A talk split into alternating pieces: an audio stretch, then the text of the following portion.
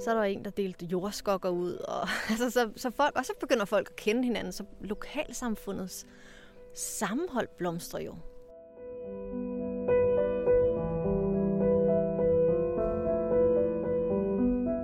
Velkommen til hverdagens klimahelte, der denne gang handler om tusindvis af naboer. Alle har de det til fælles, at de er medlemmer af grønne nabofællesskaber. Et netværk, der lige nu findes i næsten halvdelen af alle landets kommuner. Forskningen viser, at går vi sammen i grønne fællesskaber, så nedsættes vores CO2-aftryk nærmest helt automatisk. Og udover at det er glædeligt, så er det også fedt at være sammen med andre, når vi omstiller. Vi begynder i Hvidovre hos initiativtageren til grønne nabofællesskaber der.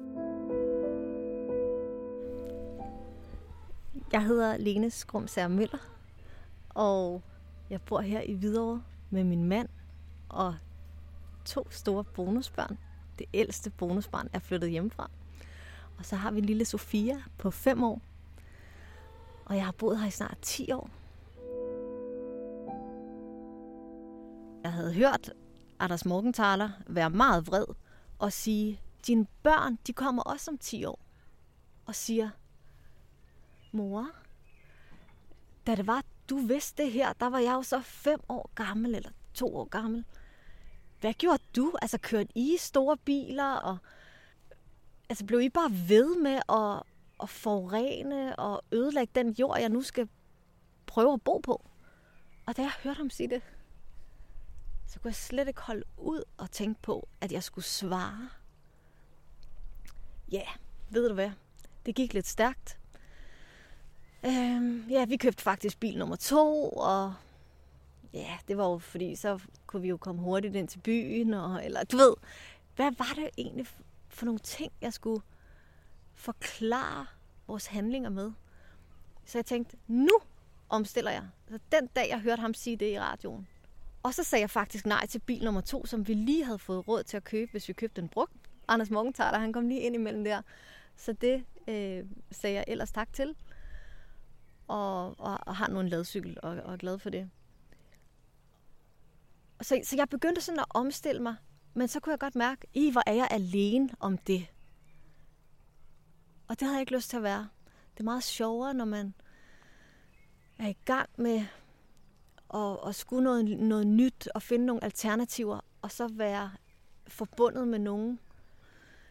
Så jeg lavede den her Facebook-gruppe, Hvidovre Grønne Nabofællesskaber, og så tænkte jeg, nu må vi se, om vi kan inspirere hinanden i den her gruppe. Jeg gjorde det for et lille års tid siden. Jeg er blevet inspireret af utrolig mange ting. Øh, vi er 230 medlemmer, og der er mange, der poster noget, der deler noget. Og det, de deler, det er lige præcis den form for nyheder, jeg gerne vil have om, hvad der foregår i Hvidovre. Så nu har jeg et forum, hvor at jeg bliver feedet med alt det viden, jeg godt vil have. Jamen, der, der er alt muligt. Der, der ligger opskrifter på, i stedet for at man laver frikadeller, så vil man måske gerne have en kødfri dag, så kan man lave røde bededeller. Og der ligger en skøn op, op, øh, opskrift på det derinde. Så der bliver hele tiden delt nogle tips. Folk har for meget af noget, som jeg lige var inde på før. Når folk dyrker haven, så får de jo for meget af noget. Så der er for meget peberfrugter, der planter, der er forspiret, som der er en, der deler ud. Og en anden deler nogle rødkløverfrø ud, og så er der en, der delte jordskokker ud. Og, altså, så, så folk, og så begynder folk at kende hinanden, så lokalsamfundets sammenhold blomstrer jo. Ja.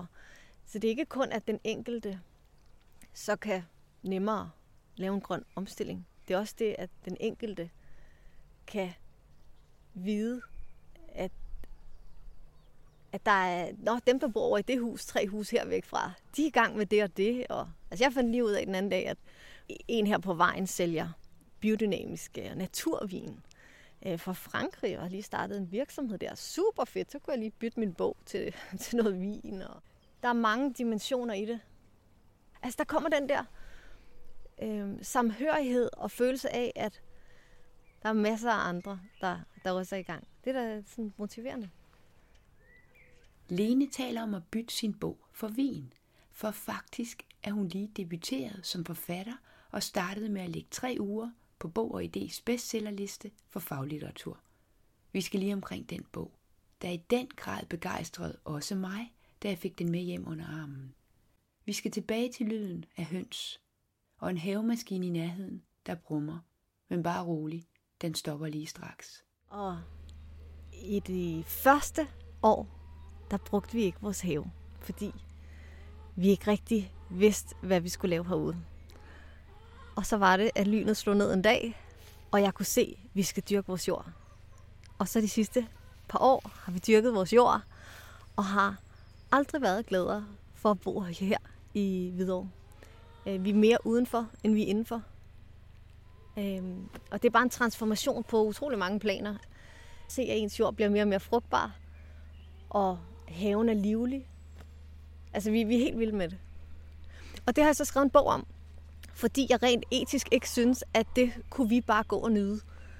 At det vil jeg gerne dele med andre børnefamilier, som også lige nu sidder og kigger ud, som vi gjorde på en stor græsplæne, og ikke rigtig ved, hvad man skal bruge den der græsplæne til, andet end at spille fodbold en gang imellem. Altså, det var sådan, vi hed det, ikke? Og, og så har jeg skrevet bogen om, hvordan man kommer fra græsplæne til grøntsagsmark, og hvordan man gør det. Selvom man er nybegynder, så gør man det ordentligt, så gør man det klimabevidst, miljørigtigt, så der er plads til vilde arter, mens man dyrker sin jord. Og man gør det let for sig selv, så man holder alt det der hårde arbejde uden for sin grund, så man gør det gravfrit og lugefrit. Og uden dårlig samvittighed, så man gør det uden kunstgødning, uden gift. Jeg har ikke skrevet en sætning i den bog, som jeg ikke selv forstår. Udgangspunktet er, vi ved ikke noget om jorden. Nå, hvordan hænger tingene så sammen med den her jord? Hvordan kan vi få den, få den gjort frugtbar? Da jeg bad Lene uddybe bevæggrunden for at forvandle familiens have, fortalte hun om en skældsættende oplevelse fra det år, hvor hun arbejdede som konsulent i Bhutan. Da hun begyndte at fortælle, forsvandt al støjen.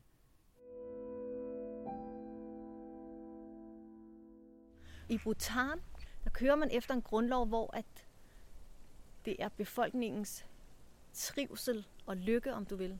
Bruttonational lykke, kalder de det. Som projekter skal screenes igennem. Øhm, man kører ikke efter, at det er økonomi, der vejer tungest. Og det var et land, hvor jeg tænkte, det kan jeg arbejde for. Og så var jeg meget heldig, at de faktisk havde brug for noget bistand, altså noget konsulentarbejde øh, fra en, der sad i Europa. Og så arbejdede jeg for øh, Bruttonational Lykkecentret i Bhutan øh, i, ja, i lidt over et år og var også over i Bhutan og interviewede premierministeren om bruttonational lykke-filosofien. Øh, og han fik mig faktisk, øh, han fik mig faktisk til at græde under interviewet. Fordi det var så rørende, at der var en, der tog sin, sit ansvar alvorligt. Det var på et tidspunkt, hvor at Helle thorning Schmidt lige var blevet valgt i Danmark. At jeg tager derover og så beder jeg ham om at fortælle om bruttonational lykke-filosofien. Og han fortæller, at parlamentet, som han står i spidsen for, de screener alle lovforslag i forhold til ni parametre af livet, som er ligeværdigt, hvor at bæredygtig økonomisk udvikling er kun én af de ni parametre af livet. Og det vil sige, da Bhutan fik en forspørgsel fra McDonald's om de måtte komme ind og sætte junk food stores op i det her smukke Himalaya-land, så screenede de, hvad vil det give overordnet set af lykke til vores befolkning? Og så fandt de ud af, okay, det vil gøre dem mere dogne på grund af næringsstofferne i det her mad, eller fraværet af næringsstoffer. Det vil gøre, at, at der kommer en import af noget kød, der ikke er produceret ordentligt, det vil gøre, at vi inviterer ikke økologisk produ- produceret øh, madvarer ind, at, at, at vi promoverer det over for de unge. Det vil gøre, at vores udgifter til health, til, til sundhed, vil gå op på grund af fedme osv. Og så sagde de meget respektfuldt og venligt til McDonald's, tak fordi I kom. I må meget gerne tage videre igen. Og det, som faktisk øh, premierministeren sagde under, under mit interview, det var, at ligeledes var der kommet helikopterfirmaer til Bhutan, der havde sagt, må vi ikke lave helikopterturisme, hvor vi bare kan få de her øh, rige øh, mennesker til at drøne rundt i helikopter øh, mellem øh, igennem dalen i Bhutan og op og ned af bjergspidserne osv. Kunne det ikke bare være fantastisk? Det kan vi bare lave en masse PR på, så kommer der en masse turister. Og det screenede den butanesiske regering også. Og så kom de frem til, og det synes jeg var rørende. Hvis befolkningen i Bhutan, som lever, har levet under vise konger, men vis filosofisk tilgang til livet, om man ikke behøver en masse materielt, men man skal sørge for at være gode mennesker, gode naboer osv. Hvis de hele tiden skal høre støjen fra helikoptere, så vil de ikke kunne få fred i sindet. Og hvis befolkningen ikke har fred i sindet, så begynder de at få nogle dårlige tanker. Og derfor så blev helikopterfirmaerne også begrænset i Bhutan.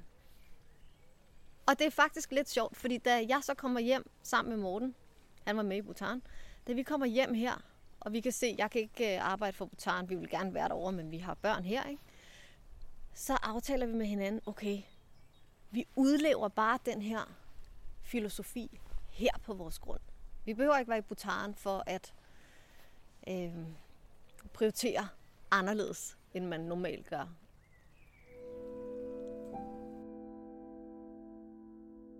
Grønne nabofællesskaber generelt er sat op for at accelerere den grønne omstilling, fordi en rapport på Institut for Antropologi på Københavns Universitet viser, at dem, der er i et grønt netværk, eller et miljø- klimanetværk, de omstiller dobbelt så hurtigt, som dem, der ikke er.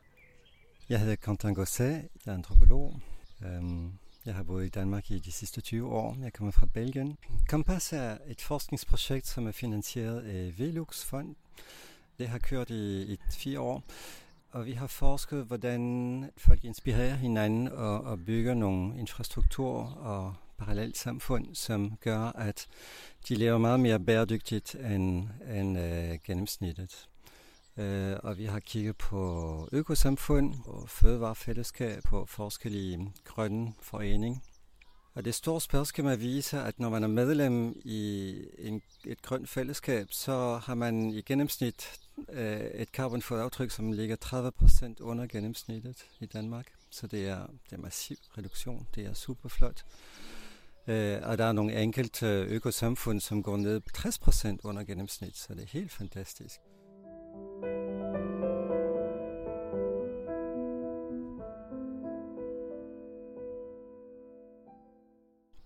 Og som antropolog øh, savnede jeg nogle mere sociale teorier, som, øh, som ville forklare, hvordan folk i fællesskab påvirker hinanden.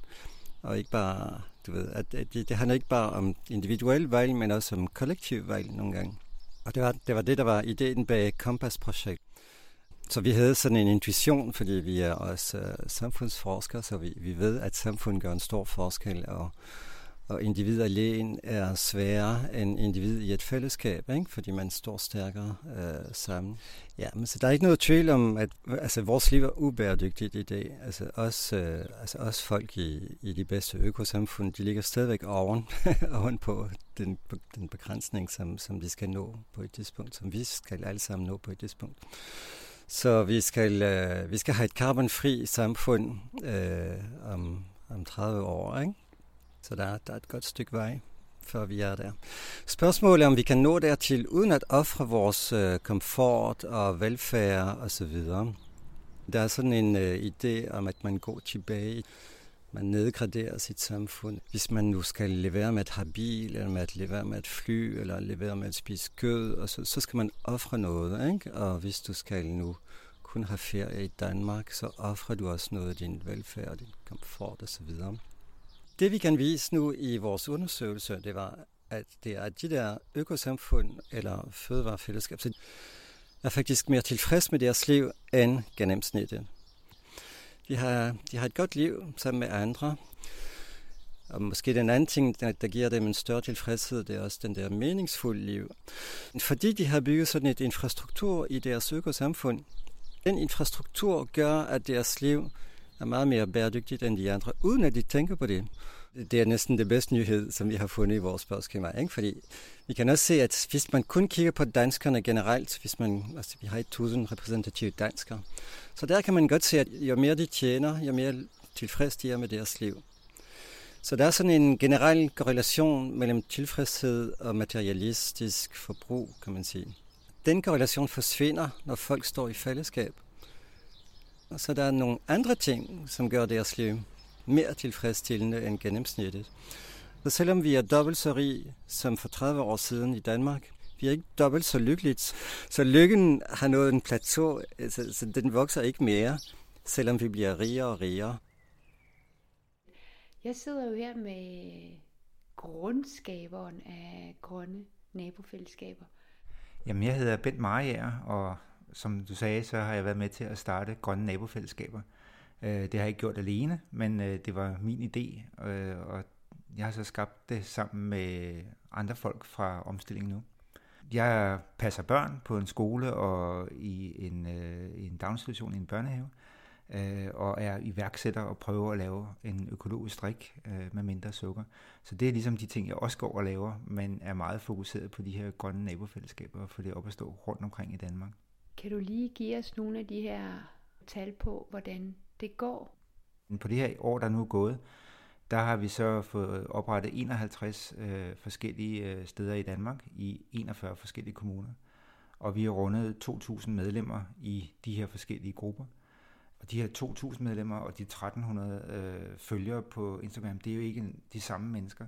Så hvis man tager dem, der er begge steder fra, så er der faktisk øh, over 3.000, der på den ene, det ene sted eller det andet sted følger os på et år.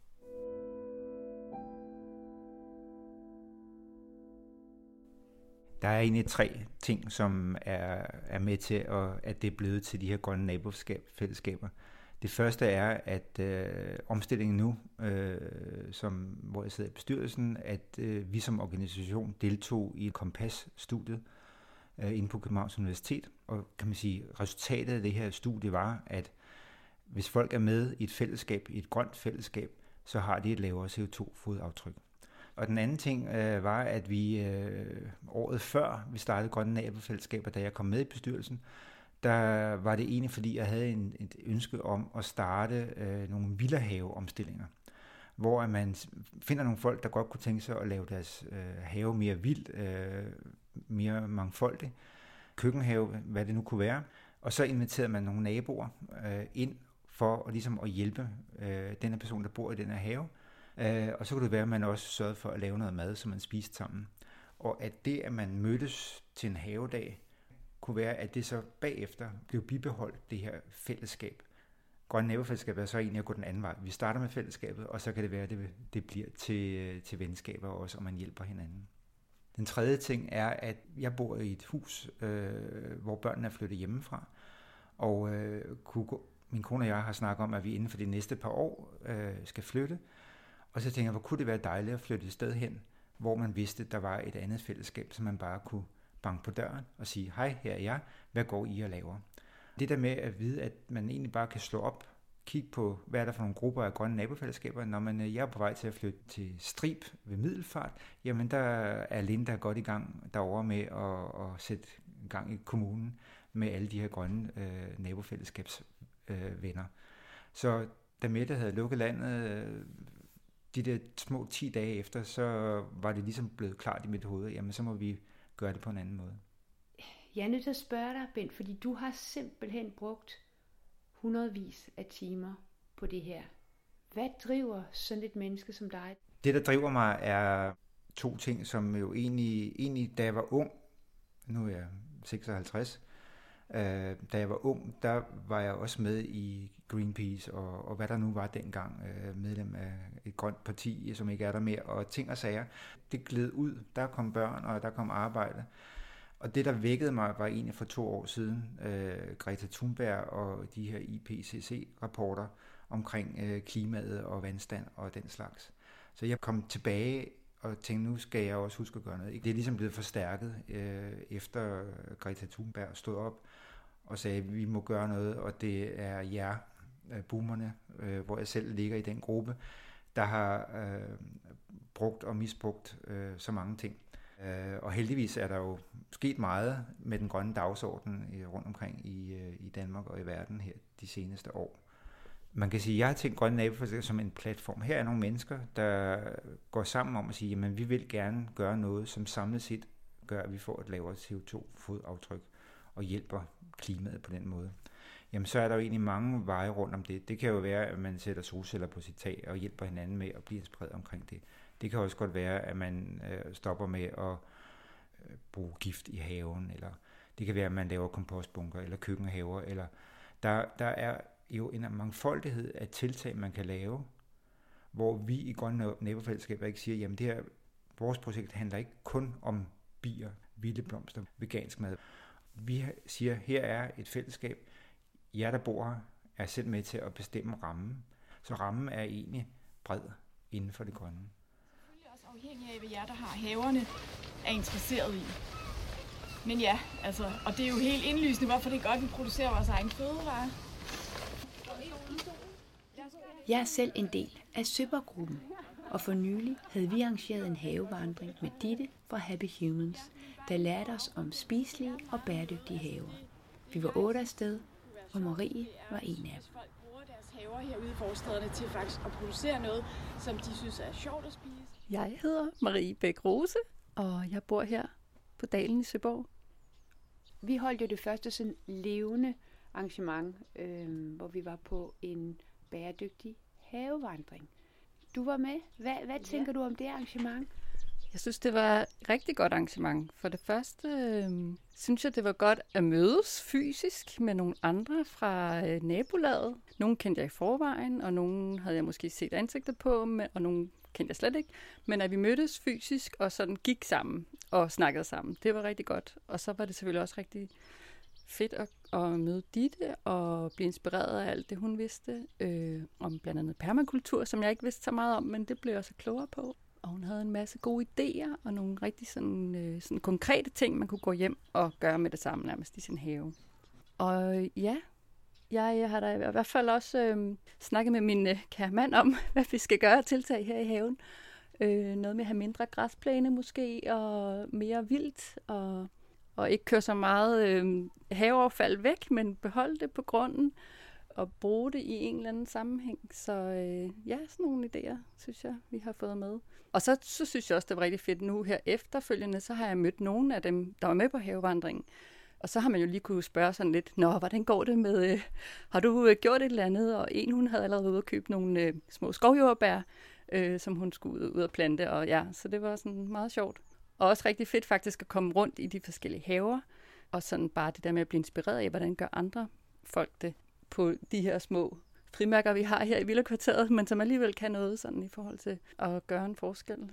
Hvorfor øh, meldte du dig til Grønne Nabofællesskaber? Ja, jeg tror, jeg fik øh, øh, ideen fra Hanne, som jeg bor her på vejen. Hun øh, inviterede mig til det, tror jeg, inde på Facebook. Og så, øh, og så tænkte jeg, det lød da spændende, og det der med at have netop et fællesskab sådan i det her tætte, nære miljø i øh, kvarteret, så man øh, nemt kan bruge hinanden også, og lige gå over i haven og se, hvordan har hun lige gjort med det, det der bøde, eller hvad det så er. Ja, så blev det på en eller anden måde meget øh, nært og meget konkret måske også øh, i forhold til så mange andre grupper, man kan være med i, hvor det er mere sådan, måske bliver lidt mere flyvsk eller sådan abstrakt. Så det her virker for mig meget sådan, øh, at der kommer nogle konkrete idéer også i den der gruppe med, at øh, skal vi lave en container, er der jo nu lige snak om, hvor man kan øh, sætte sine øh, brugte, men gode ting, og så kan andre måske få glæde af det. Eller en affaldsindsamling, som vi også har haft man kan byde ind med forskellige ting, eller ja, så vi kan hjælpe hinanden. Det giver rigtig god mening for mig.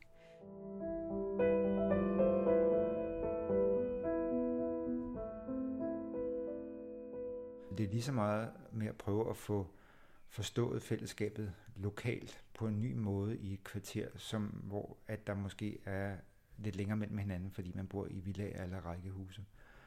Øhm, Også fordi vi har de her hække, der omkranser os, som jo er utrolig... Øh, øh, det er meget dansk. Ja. Vi i Danmark gør det på, på vores måde, og det er meget... Vi vil gerne bure os ind i vores egen lille øh, matrikel, og helst ikke blive forstyrret af dem, der bor ved siden af. Og jeg vil egentlig gerne have, at hækkene blev skåret godt og gevaldigt ned. Øh, fjernet er måske lidt drastisk til at starte med, men at man, man snakker mere med hinanden. Og det kan godt være, at den nærmeste nabo ikke er lige så grøn og bæredygtig som en selv, men heldigvis så kan det være, at det er lige rundt om hjørnet på den næste, eller lige overfor. Så det gælder jo om at finde de her mennesker, som man bonder med, og så sørge for at lave nogle gode ting sammen. Både på, på det lille, nære niveau, og måske også på kommuneniveau, og noget, der batter, batter i den større skala. Man aner du ikke, hvad der foregår om bag folks hække, men folk er i gang med alt muligt, altså, og har været i gang i mange år. Det er slet ikke, det er meget sjovt, det er slet ikke så dødt i forstaden, som jeg gik og troede. Jeg synes, det var sådan en lille bit smule kedeligt, ikke? da jeg flyttede hertil, efter at have boet i, ja, i Cairo og i Nairobi og inde i København og på Frederiksberg. Men har overhovedet ikke kedeligt. Det er da mega fedt at finde ud af. Så den anden dag, da jeg hentede børn, så er der en, øh, en øh, kvinde, en mor til et barn nede i institutionen, der fortæller, at nu gør hun det. Nu laver hun købestop. Det var simpelthen så inspirerende. Så i stedet for, at det bare var det der, at have en god weekend, så kommer hun hen, så siger hun, Lene, jeg har simpelthen besluttet, nu giver jeg en masse af mit tøj væk, jeg har haft et overforbrug, og så lader jeg være med at, at købe noget som helst, som vi kan undvære. Selvfølgelig skal børnene have det, de skal have, men ellers så står vi af det der res. Fantastisk, ikke? Og der har været masser af samtaler af sådan noget der, fordi at vi er i det der fællesskab. Så har vi jo noget at, at snakke om, kan man sige, som ikke bare er, åh, hvad kan man sige, jeg kan næsten ikke finde på et eller andet, men altså sådan noget blomkålsnak, eller hvad det bliver kaldt. Så nu, når jeg henter, der er, altså, og det er lige så meget mændene, der er på. Altså mændene, der øh, de gør alt mulige fede ting. Ikke? Jeg fortalte dig lige før, at, øh, at I går til en legeaftale, hvor jeg henter mit barn. Øh, så har manden båret kæmpe træstammer. Det er så dem, som vores te står på her. Øh, har, så har han båret dem fra en anden grund i Hvidovre, som gerne vil af med dem, ind på hans grund. Fordi så har børnene noget sjovt at kravle på. Det er sådan nogle kæmpe træstammer, ikke? Og så mens jeg er der og snakker med moren, så bærer han simpelthen nogle, de her to store træstammer ind i hans bil. Og så siger han, da jeg skal gå, jeg har øh, to kæmpe træstammer til dig, så nu kører jeg lige bag dig hjem af. Og så har jeg dem her. Sådan noget der. Det er virkelig dejligt. Så der er mange, som, mange borgere, som har givet håbet, du ved, som ikke forventer mere fra regeringen eller fra politikerne, fordi de er håbløst. Ikke? Øh, man kan ikke, altså, de kan ikke levere det, man forventer fra dem. Og så de er helt desperat med, okay, hvad gør man så? Jamen, så siger de, i det mindste, så skal jeg leve et livsstil, som, som jeg synes er forsvarligt. Og det er det, vi kalder mikroaktivisme eller praktivisme. Og når, du, når de gør det i fællesskab, så virker det faktisk meget fint, og det, og det er faktisk nu en model, som de andre kan også øh, øh, få inspiration fra, og regeringen også, og så videre. Og det, det skubber også, hvad skal man sige, det hjælper regeringen at se, at der er en interesse, vi kan tørre lidt mere. Så det er en anden type aktivisme, hvor man, man prøver at ændre sig selv først, før man begynder at øh, prædikere for de andre. Altså når man taler med fremtidsforskerne, så siger de, at fællesskaber bliver afgørende for at skabe den her omstilling og den her klode i balance. Fællesskab bliver afgørende på flere måder, ikke? Så, så fællesskab, jo, jo flere der er, der involverer sig i grønne øh, handling og grønne fællesskab, jo mere ja, øh, politikerne vil ture øh, også gøre deres del, kan man sige. Så, så fællesskab er afgørende politisk. Det er også afgørende for lykke jo. Og, og grøn fællesskab er et godt model, en god model, fordi det er, altså de, det lykkes dem faktisk at, at bygge sådan nogle respektfuld samfund, øh, hvor individet har også sin plads, og, og hvor fællesskaber er ikke altafgørende for, for det hele, altså regerer ikke hele, alle aspekter af, af menneskets liv. Ikke? Individet skal stadigvæk have, har frit rum, kan man sige. Og vi er faktisk lige i gang med at søge om velux igen for at for fra vores næste øh, forskningsprojekt, som handler lige præcis om at skabe grøn fællesskab i boligområdet i Danmark. Øh, at øh, importere den der god gerning, som findes i, i økosamfund eller økofødevarefællesskab osv. Så vores projekt handler om at, gøre, om at gå fra grå boligforeninger til grøn boligfællesskab. Få lidt mere fællesskab i dem, øh, og se, hvad der sker. Jeg tror, det er det samfund, som vores børn skal bygge, og, og det er et bedre samfund.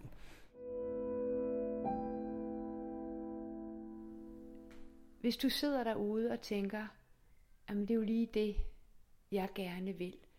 Hvad gør, hvad gør man så, Bent? Ja, man kan starte med at finde os på Facebook.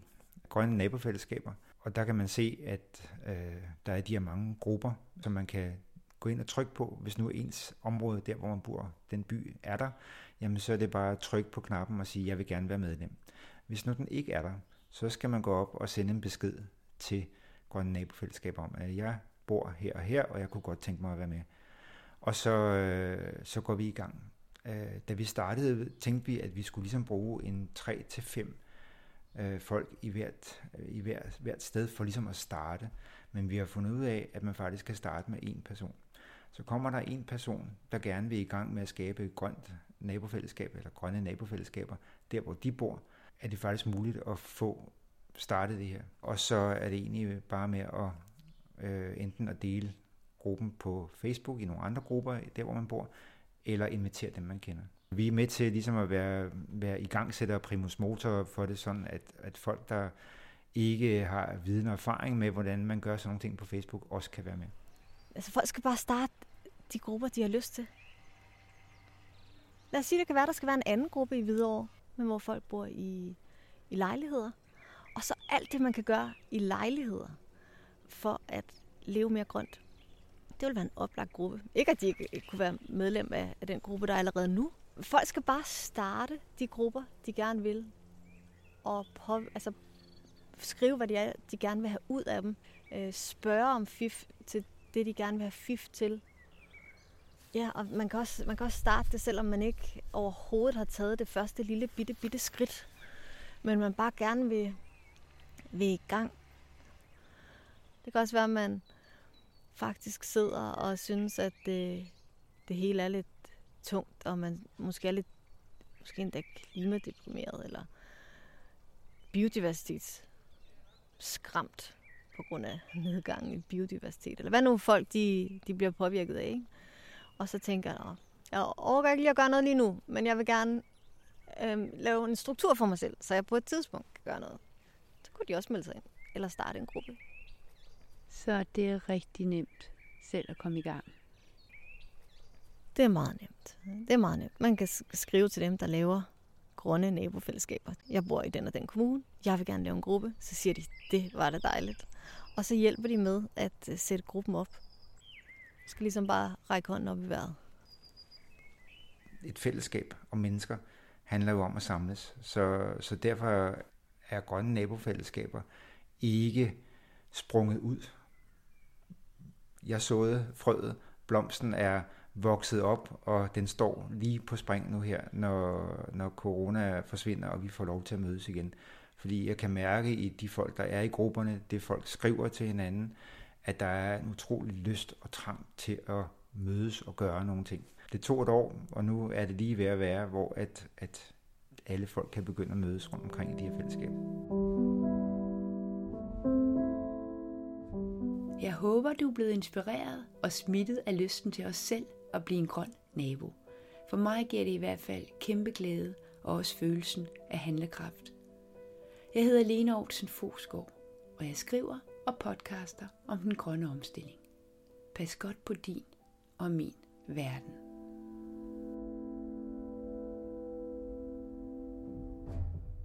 Siden jeg indtalte den sidste speak, er der sket noget nærmest historisk, og det er du nødt til også at høre om. Jelling Grønne Nabofællesskaber har nemlig fået ja og 20.000 kroner fra kommunen til at plante den første Miyagi-skov i Danmark. Miyagi er miniskove på helt ned til 100 kvadratmeter og med mindst 30 hjemmehørende arter, der plantes meget tæt. Konceptet stammer fra Japan, hvor der lige nu findes 1400 af dem. Miniskovene gror 10 gange så hurtigt som konventionelle skove, har 100 gange større biodiversitet og binder 40 gange mere CO2. I England, Belgien og Holland plantes på livet løs, og alene i Holland findes der allerede 110, og de er alle sammen adopteret af skoler. I grønne nabofællesskaber over hele landet er der ildsjæle, der arbejder på, ligesom i Jelling, at skaffe midler til at kunne plante miyaki i mange flere kommuner, til gavn for biodiversiteten og klimaet.